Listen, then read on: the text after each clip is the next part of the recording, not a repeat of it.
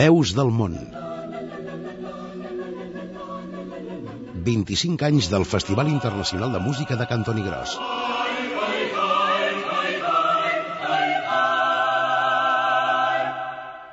Amb Anna Jové i Albert Torrents. Agraïm la vostra atenció a l'hora de començar aquesta nova edició de Veus del Món, el programa en què la música coral esdevé un vincle entre cultures i pobles d'arreu i amb el qual celebrem el 25è aniversari del Festival Internacional de Música de Cantoni Gros. Un espai que fem possible, us ho recordem, Eduard Arnàs i Rosa Silluer al control tècnic i Anna Jové i Albert Torrents a la redacció i al davant dels micròfons. Avui volem centrar el nostre espai en el repàs d'aquells grans esdeveniments o personalitats que el festival ha recordat en el marc dels seus actes.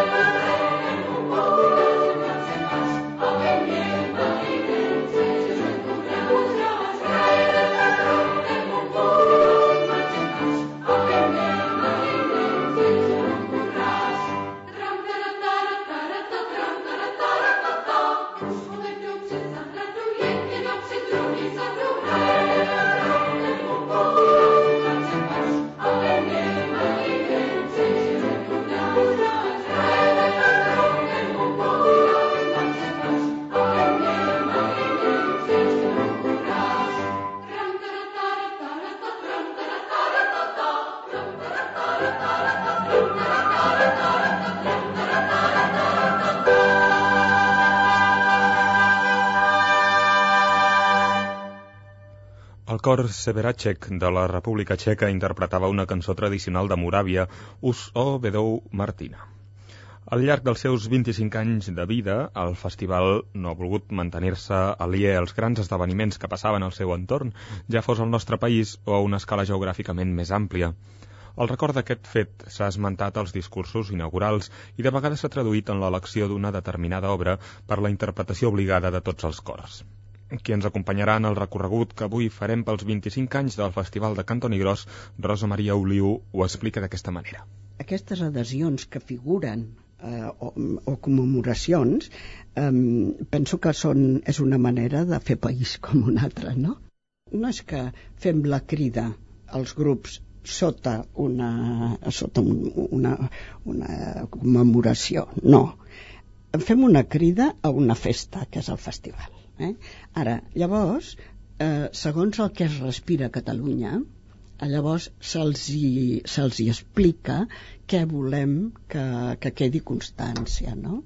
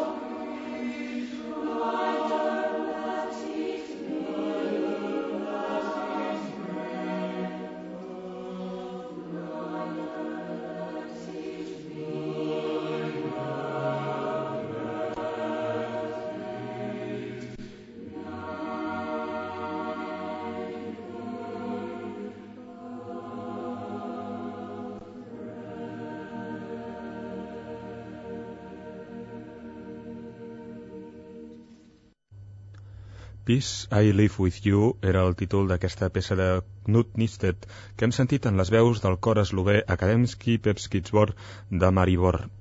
La identificació del festival amb un leitmotiv o fil conductor s'ha anat fent més clara i freqüent els últims anys. Als inicis, com és lògic, els organitzadors tenien prou feina a ocupar-se de la bona marxa del vessant musical del festival. És clar que les circumstàncies hi van contribuir. És curiós perquè ens va ajudar les celebracions europees i internacionals, perquè, per exemple, eh, el tercer any era l'any europeu de la música i l'any internacional de la joventut, per això era una crida absoluta a la música que fèiem i a la joventut que hi participava, perquè la majoria eh, són joves, no? Eh, després, el, el quart va ser l'any internacional de la pau i un dels eh, objectius del festival és eh, aconseguir la, la pau i la conciliació i la convivència entre els pobles. Per tant, sembla que ens ho hagin eh, posat amb safata, no? A partir aproximadament del cinquè any d'existència, l'organització es va començar a fixar en les efemèrides que se celebraven a nivell local i que el festival podia ajudar a exportar més enllà de les nostres fronteres. Així es va adherir a la celebració del mil·lenari de Catalunya l'any 1988, els 100 anys de l'Orfeó català o els 50 de l'Orfeó Laudate, el mateix any que Barcelona acollia els Jocs Olímpics. Nosaltres ens vam adherir a, a les celebracions dels, dels Jocs Olímpics, o sigui, vam fer constar la nostra adhesió. El festival va ser just abans, eh? per la, perquè les nostres dates són aquelles, i eh, aleshores no va afectar el fet d'haver de, de retrasar, no, ens vam adherir als Jocs Olímpics i, i ja està. Eh? També vam celebrar eh, en aquest desè festival, que era eh, el mig segle de l'Orfeo Laudate, que, era un, que, que ha estat sempre un vehicle inspirador del festival a través de, del mestre Colomer. Dos anys més tard, el 1994, tenia lloc un fet luctuós dins de l'àmbit musical. A Barcelona s'havia cremat el Gran Teatre del Liceu. El festival, però, va fer coincidir aquell record amb la celebració d'un aniversari ben propi de Cantoni Gros. El Festival 12, que va haver-hi, eh, era el 50 aniversari de les festes literàries de Cantoni, durant la resistència, no? Mm, es va anomenar es va posar en els programes, es va fer perquè creiem que va ser un focus molt important de la resistència cantoni. No? Eh, es havia fet el primer congrés de música eh, aquí a Barcelona, de Catalunya, vaja, i hi havia hagut un, un, fet greu, que era l'incendi del Gran Teatre del Liceu, també van voler rememorar-lo perquè era el temple de la música, no? I eh, en aquí es va ser, aquest any va ser el que es va convocar un, un, una competició de música coral per tal de poder interpretar com a obra obligada eh, els altres anys. De la mateixa manera que el record de les festes literàries de Cantoni Gros, no tots els homenatges que ha fet el festival han estat de l'àmbit musical. Aquest va ser el cas, per exemple, de la commemoració del poeta Jacint Verdaguer l'any que es complien 150 anys del seu naixement. Queda clar que sent un home de la plana de Vic, el festival no el podia deixar de banda. Verdaguer va ser un poeta que va viure molt, molt a la vora de Cantoni, Folgueroles, inclús el poble té gent a dormir de, del festival i es va homenatjar. No precisament amb, eh, amb una poesia, o, sinó eh, donant-ho a conèixer, explicant qui era Verdaguer, i donant una, eh, fent una referència que es havia, es havia eh, fet una òpera eh, de Manuel de Falla eh, amb lletra de, de Verdaguer, que era l'Àntida, no?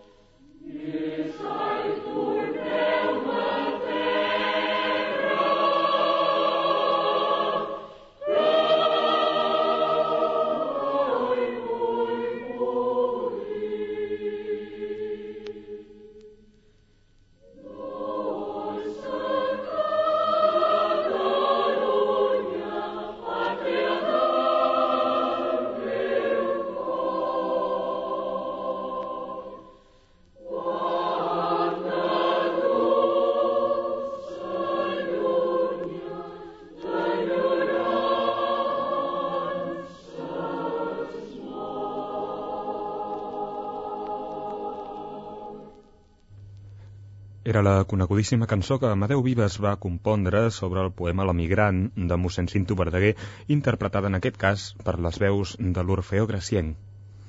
L'any 1996 va arribar a Cantoni Gros un reconeixement molt especial, no pas per part del festival envers algú o alguna cosa, sinó del qual aquest va ser el destinatari. La Generalitat de Catalunya li va concedir la Creu de Sant Jordi, un vot de confiança que es completaria anys més tard amb el Premi Nacional de Cultura.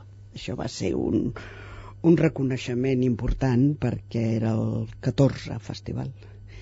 I bueno, és una empenta per tirar endavant. Eh? Igual que més tard pas, ens van donar el Premi de Cultura, del Premi Nacional de Cultura, eh, que devia ser cap al 19.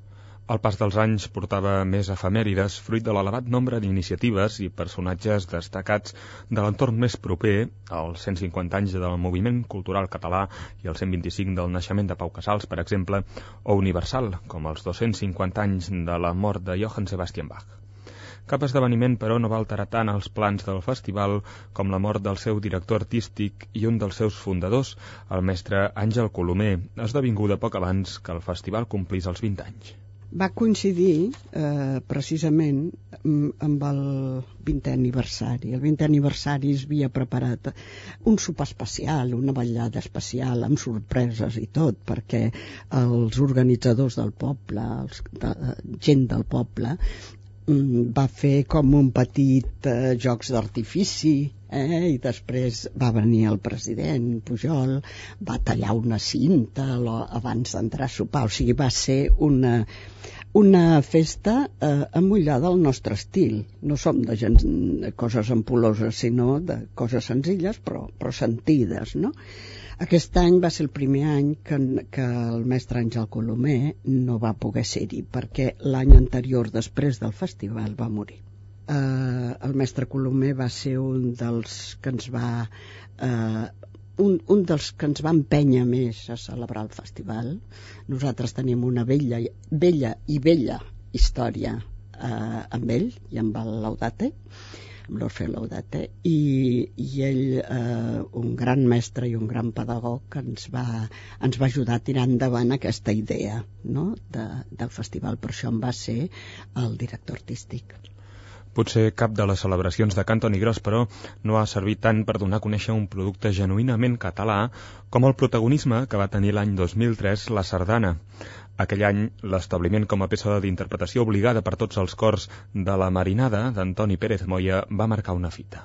Això va ser curiós, eh, perquè no en pensàvem que en sortís un protagonisme com el que va sortir. No? La Marinada va ser un encant sentir-la, una meravella, una delícia sentir-la eh, per tots els grups que venien de fora. Perquè, com que era una peça obligada, cadascú la, la cantava tal com els inspirava la lletra. Des de la cançó mm, ritme viu, tipus, eh, no dic jazz, però quasi, no? Eh, grups que la cantaven com una cançó de bressol, o sigui, els, eh, el que havia ideat Pérez Moya eh, de, de ser les onades, ells ho feien com una cançó de bressol, no?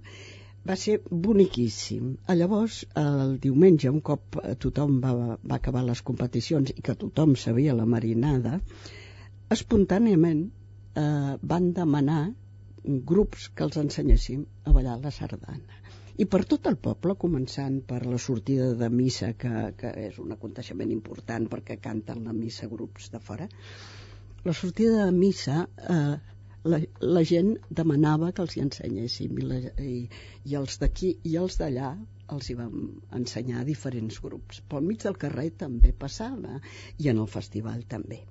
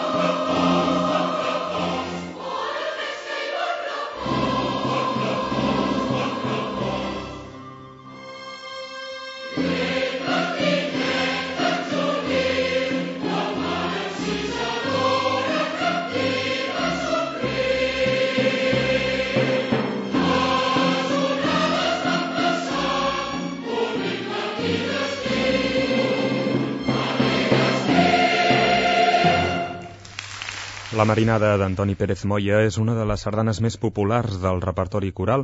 L'hem sentit interpretada per l'Orfeo Gracienc i l'Orquestra Camerata Acadèmica de Barcelona. Hem parlat abans del record que el festival va tenir per mossèn Cinto Verdaguer quan es van celebrar els 150 anys del seu naixement. Un home dels nostres dies, que també complia la doble condició de poeta i oriunt de la plana de Vic, era Miquel Martí i Pol, va morir l'11 de novembre de 2003 i el festival el va recordar en l'edició immediatament posterior. Aquest fet ens el recorda la seva vídua, Montserrat Sans. Va ser quan fe... encara no feia un any de la mort de Miquel i jo vaig estar molt emocionada perquè pensessin en en Miquel, perquè amb ell havíem anat eh, dues o tres vegades a veure el festival. A més a més, ell havia tingut molta vinculació a Cantoni per quan era jove, que feien els, els Premis Literaris de Cantoni. I van recitar uns poemes i, i bé, va ser un record emocionat per a Miquel. Rosa Maria Oliu corrobora aquesta impressió i ens dona més detalls de l'acte.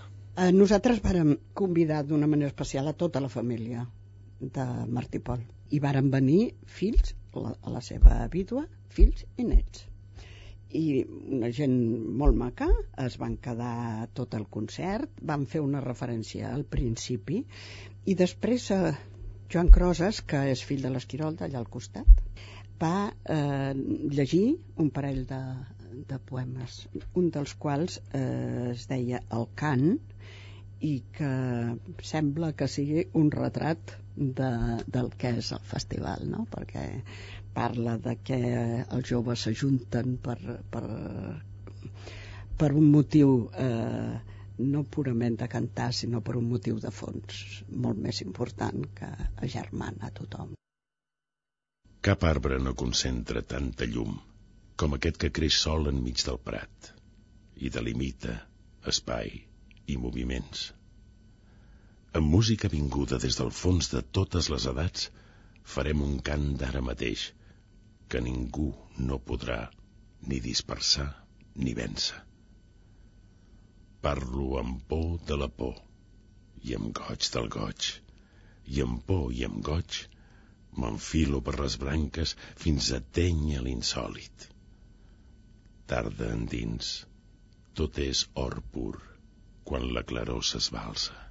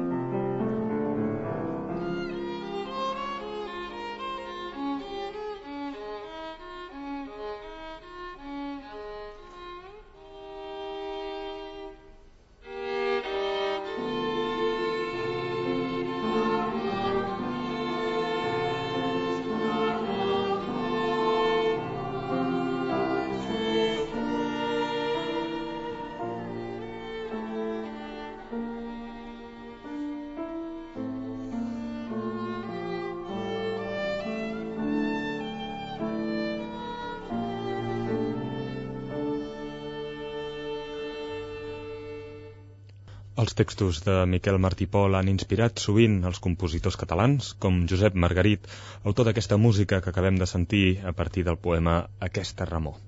Era una interpretació del cor jove Fusió sota la direcció de Conxita Garcia. El violí solista era Estela Guillén i el piano Roger Sanz. Arribem als nostres dies l'última gran efemèride musical celebrada a nivell mundial i de la qual, evidentment, el festival no podia quedar-se al marge, va ser el 250 aniversari del naixement de Wolfgang Amadeus Mozart, un dels autors més prolífics de la música clàssica, i com el va definir el festival als seus mateixos programes, un dels músics que més ha contribuït al desenvolupament de la música. A Cantoni Gros, doncs, també s'hi van poder sentir les seves notes. I varen posar una, una obra de Mozart L'obra obligada dels cors infantils va ser una molt divertida que es diu Alfabet i que, curiosament, um, molta gent, o sigui, no, era, no és molt coneguda i és una cançó eh, divertida en el sentit que va, totes les notes són lletres de l'alfabet, no?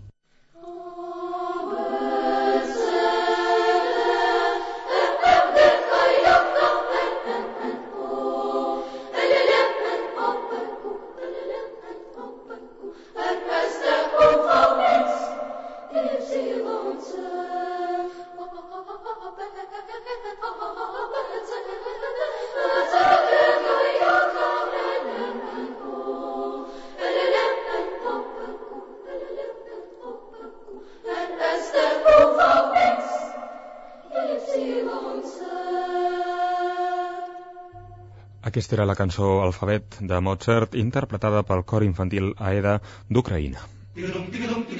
Veus del món. Un programa de Catalunya Música per celebrar el 25è aniversari del Festival Internacional de Música de Cantoni Gros.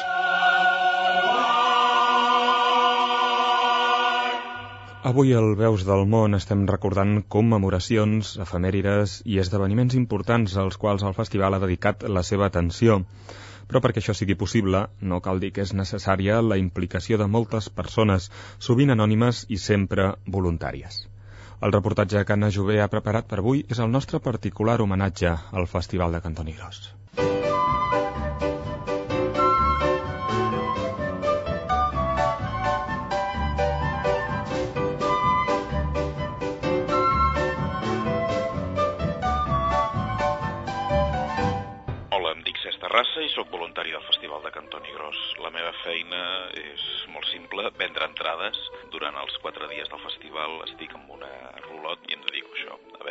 Entrades i donar informació a tota la gent que ve. Durant els dies aquests faig torns de dos, tres, quatre hores, el que convingui, i quan algú pregunta, doncs intento respondre i deixar-lo satisfet. Jordi, la Carme, la Dolors, en Martí, en Joan, la Maria, en Josep, la Roser, la Montse, la Clara, l'Eduard, l'Eva, en Mar, l'Anna, la Judit, l'Àlex, la Sònia, l'Arnau, la Blanca, en David, la Joana i fins a 400 noms propis més. Tots ells, com en Cesc, són voluntaris de Cantoni Gros. Cadascun pertany a un comitè diferent, és a dir, a un dels diversos grups de treball que configuren durant quatre dies l'organització del festival una distribució imprescindible per poder fer realitat un certamen com el de Cantoni Gros. Festival dura tot l'any. La meva dona eh, fa, per exemple, la pàgina web, més o menys, amb molta bona fe i pocs mitjans, i durant tot l'any va treballant i, i jo mateix, si em demanen qualsevol col·laboració, crec que no he dit mai que no. En l'oficina del festival doncs, la feina és eh, continuada des de l'inici doncs, del mes de, de setembre com, com a l'inici del curs escolar s'inicien les gestions, s'envien les convocatòries amb les noves bases, amb, amb les noves peces que hi ha aquell any per, per cantar en el concurs i, i després doncs, ja quan l'any comença, el que és el mes de gener, ja la feina ja s'encara tota eh, el, el mes de juliol, doncs, que és quan el, realment el festival es celebra, no? L'Eva Mitjà ha estat durant 7 anys al capdavant de l'únic comitè del festival permanent els 365 dies de l'any, la secretaria, i sap del cert que per tirar endavant un projecte com el de Cantoni és necessari molt de temps i esforç. Les tasques de la secretaria del festival, doncs, a més de ser les merament tasques administratives, de, de gestió de correspondència, de punt d'informació, eh, d'atenció i contacte telefònic, que s'apuntaven al festival d'aquell any i també amb ambaixades i consulats per resoldre temes diversos de visat, de transport dels grups, doncs també comportava tasques doncs, de gestió de subvencions i a més a més també després hi havia una tasca doncs, més logística doncs, del fet de distribuir els grups en els diferents allotjaments, un cop ja s'acostava el festival i es preveien doncs, les places d'allotjament o també fer una mica de previsions del menjador.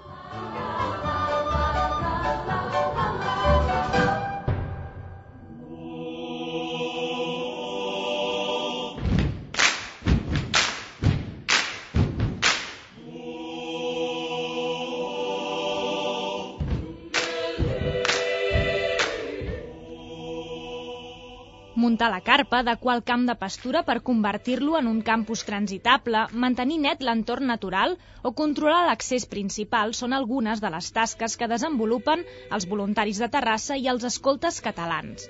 Cada estiu, un grup de joves d'entre 18 i 28 anys, procedents de diverses nacionalitats, venen a Cantoni Gros per compartir uns dies molt especials. Bueno, amb escoltes catalans, pues, eh, la nostra funció era muntar la infraestructura. O sigui, arribàvem ja uns dies abans i organitzàvem pues, lo, les cadires, els muntatges del, dels diferents llocs, les carpes, tota la infraestructura. I durant el festival la nostra feina era ajudar en certs llocs, no? per exemple el menjador. Venien de tota Europa, inclús hi havia un taiwanès, hi havia un rus, hi havia unes quatre noies alemanes, és tota una aventura, això del camp de treball, també, eh? pues és curiosa la convivència, és curiosa perquè, clar, no ens coneixem. El que costa més és que els ser joves, pues, al matí, a la nit no els hi costa anar a dormir, però al matí, quan es, de llevar per anar a treballar, pues, costa una mica més. Però bueno, els primers dies tenia una gralla i tocava la gralla i, i els despertava, eh? O sigui, la gralla, aquest instrument català, o sigui, és contundent, eh, els matins.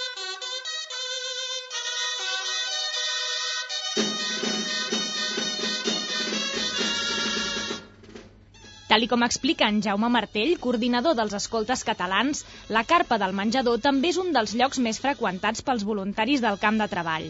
Ajuden a servir els àpats i també a netejar les taules i controlar l'accés a l'hora de dinar i sopar perquè no s'acumuli molta gent a la mateixa hora. La Teresa Margarit és una de les coordinadores del menjador. Tenim una empresa de càtering que s'encarrega de, de donar el dinar a tots els participants. Porten ja bastant preparat, eh, o acaben de fer algunes coses allà. Tot és a calent. I llavors tenim l'ajuda dels del camp de treball que, que ajuden a preparar totes les taules i cadires a muntar-ho tot i després eh, ajuden els del càtering també a servir el menjar amb, el, amb la gent. Per entrar al menjador, cada participant ha de portar un tiquet, que aquests tiquets se'ls donen a, de bon matí a cada guia de grup, ja els hi donem els tiquets del dinar i del sopar de tot el dia i llavors ja, ja els reparteixen quan volen i cada participant entra amb el seu tiquet de dinar i de sopar. A dintre de la carpa, quan dinen, també molts es posen a cantar i s'ajunten uns grups amb altres i fan les seves històries, les seves cançons i s'expliquen les seves coses de cada país, no sé, molt maco, hi ha una convivència molt maca. Ayangenna, Ayangenna, Ayakumma, Ayakumma. Per tal que aquells que trepitgen per primer cop al festival se sentin ben acollits, és molt important el primer contacte amb l'organització. Aquí és on el comitè d'hospitalitat entra en acció. L'equip humà que treballa en aquest departament s'encarrega de la recepció dels grups. Doncs en principi el que consisteix la recepció de tots els grups que participen en el Festival Internacional de Música de Cantoni Gros és donar-los la benvinguda el primer dia que arriben, a part de donar-los allotjament, acollir-los los a la carpa del festival, explicar-los la normativa bàsica de funcionament durant els dies del festival i també on s'allotjaran, on menjaran i una mica els horaris i la dinàmica de treball que se seguirà darrere de l'escenari. La Montse Grau ja fa molt temps que hi col·labora.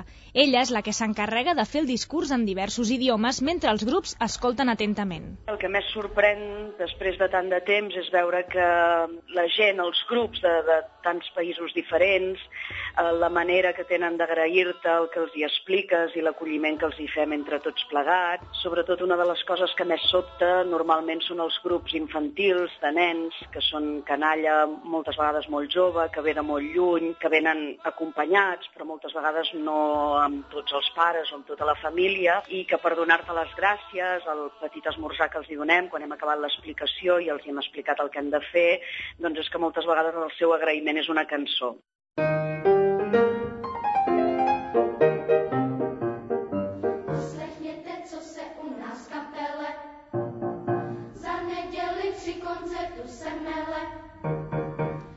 Aquest primer contacte que es fa entre l'organització i els participants esdevé una relació més directa amb la figura del guia. Fer de guia suposa fer d'enllaç entre l'organització i els grups participants i solucionar-los els petits problemes quotidians que puguin trobar durant la seva estada. A vegades són coses pues, tan senzilles com que necessiten un servei mèdic, però d'altres vegades pues, volen comunicar-se amb el seu país i no tenen molt clar prefixes per trucar a l'estranger.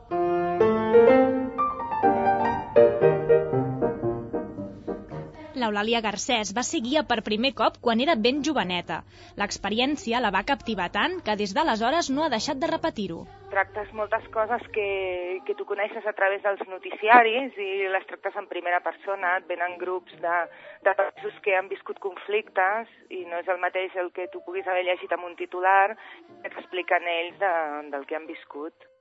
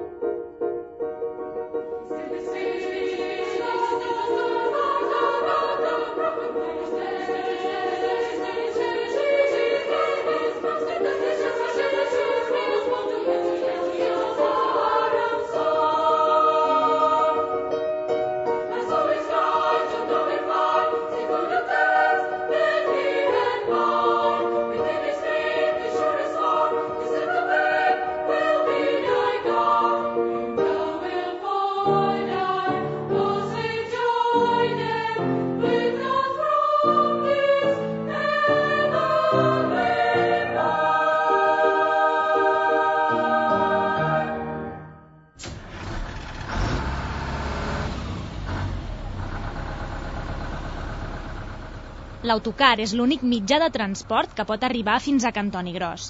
Així doncs, durant el festival, aquest vehicle és a l'ordre del dia. Dels 50 grups participants, com a mínim 30 es desplacen des dels seus països d'origen mitjançant autocar. I per poder controlar la circulació en una població tan petita com Cantoni Gros, es necessita l'ajuda d'un comitè de treball específic, en aquest cas, el del Servei de Trànsit. Aquí és on l'Antonio Sancho es mou com peix a l'aigua. Hi ha dues entrades però hi ha un moment que només hi ha un sol carrer i com se t'aparqui algú aquí en el centre, mal aparcat, i després pugi en autocar, ja l'hem liada. Aquesta és una de les funcions, és controlar bé el trànsit. El dijous n'arriben uns quants, que venen ja per la inauguració, però el dijous no, no tenim més de 15-20 autocars, uns 20 autocars aproximadament, que aparquen en uns pàrquings que hi ha especials pels autocars al costat mateix del festival. El dia que hi ha més autocars és dissabte i diumenge, que a més a més dels del festival, els participants, venen autocars de, de gent de la tercera edat, però sempre tenim uns 10 o 15 autocars que venen fora de lo normal. Això vol dir que entre participants i així el dia més fort és el dissabte i el diumenge que podem arribar a aparcar uns 45, com a molt 50 autocars.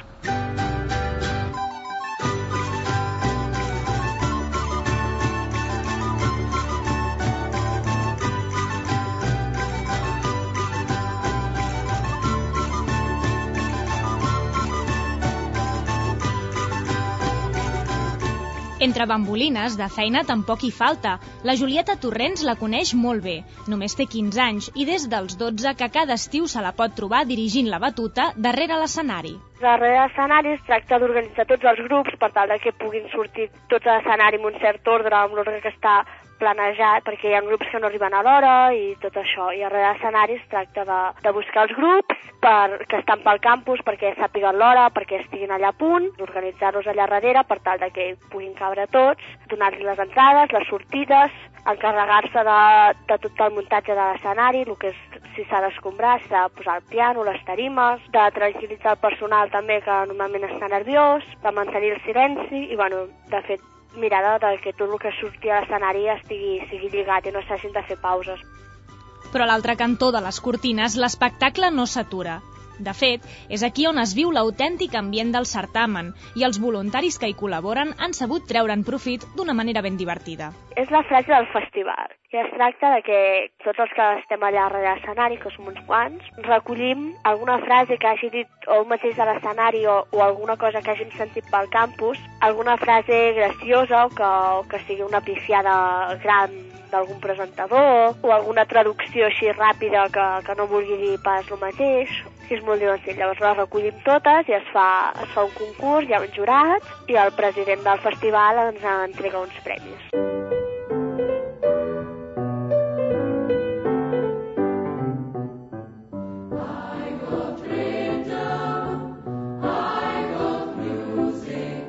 Soc part d'un grup d'infermeres i de metges que un dia fa temps van oferir els seus serveis per si ens volien i algú va dir que sí i això és el que va passar. Eh, des de llavors, pues, clar, venim al festival, eh, intentem ajudar amb tot el que cal, estem allà per al que sigui, amb, tota, amb tots els llocs que hi ha un grup de gent, hi ha problemes de salut, des dels més petits als més grossos, eh, preferiblement els més petits primer i, i els més grossos en pocs. La Judith Johnson Horner és una de les metgeses de l'organització. Els seus serveis són molt necessaris durant el festival, sobretot quan sorgeixen incidències imprevistes.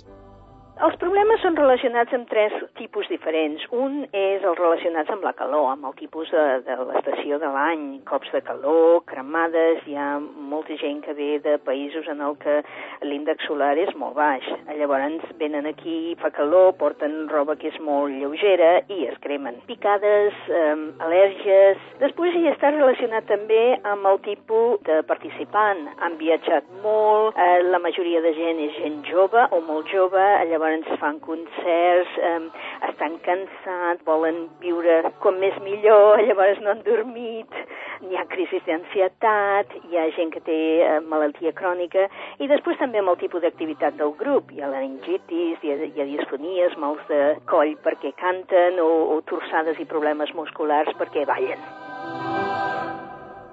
A pocs metres de la infermeria, la Lídia I l'endreça samarretes, gorres, bolígrafs, tasses i tot tipus d'objectes que porten estampat el logotip del festival. Doncs a la botiga, mira, es ven, pràcticament el que intentes és vendre el màxim possible. Uh, després, doncs, el que fem també és intentar donar informació, vull dir, venen a preguntar a molta gent coses, llavors doncs, els enviem un lloc o un altre on anem nosaltres a preguntar-ho. per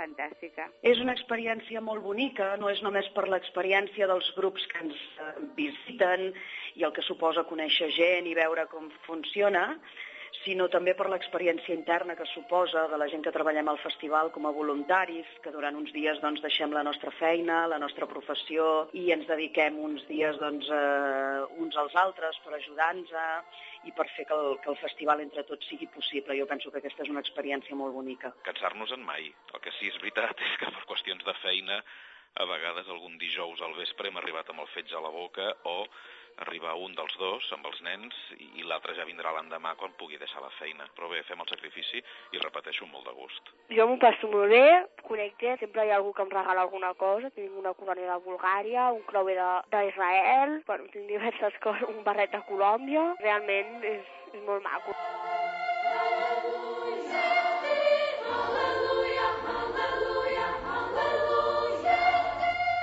Més de 400 persones ofereixen la seva ajuda a l'organització durant 4 dies sense esperar res a canvi. La xifra parla per si sola i el que és ben cert és que el Festival Internacional de Música de Cantoni Gros no seria el que és sense l'esforç desinteressat de tots els seus voluntaris.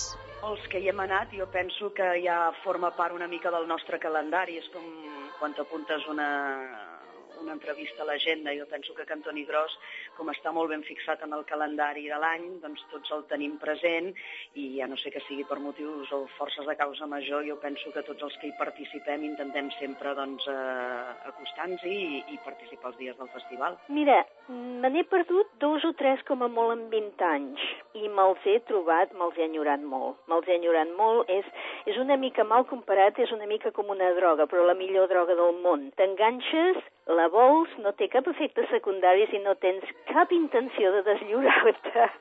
El necessites. És, és una, una cosa molt intensa, un temps molt profitable, molt bonic, i, i el vols, el vols cada any.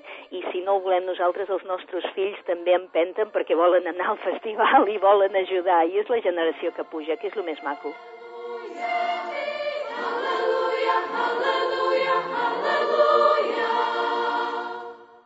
Fins aquí el nostre reportatge d'avui, amb el qual hem volgut resumir breument la gran quantitat de tasques que no es veuen, però sense les quals el festival no seria possible.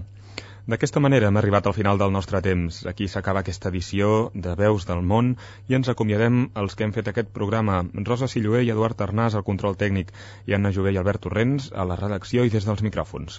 Gràcies, com sempre, per la vostra companyia i fins una propera ocasió. La, la, la, la, la. Veus del món. 25 anys del Festival Internacional de Música de Cantoni Gros.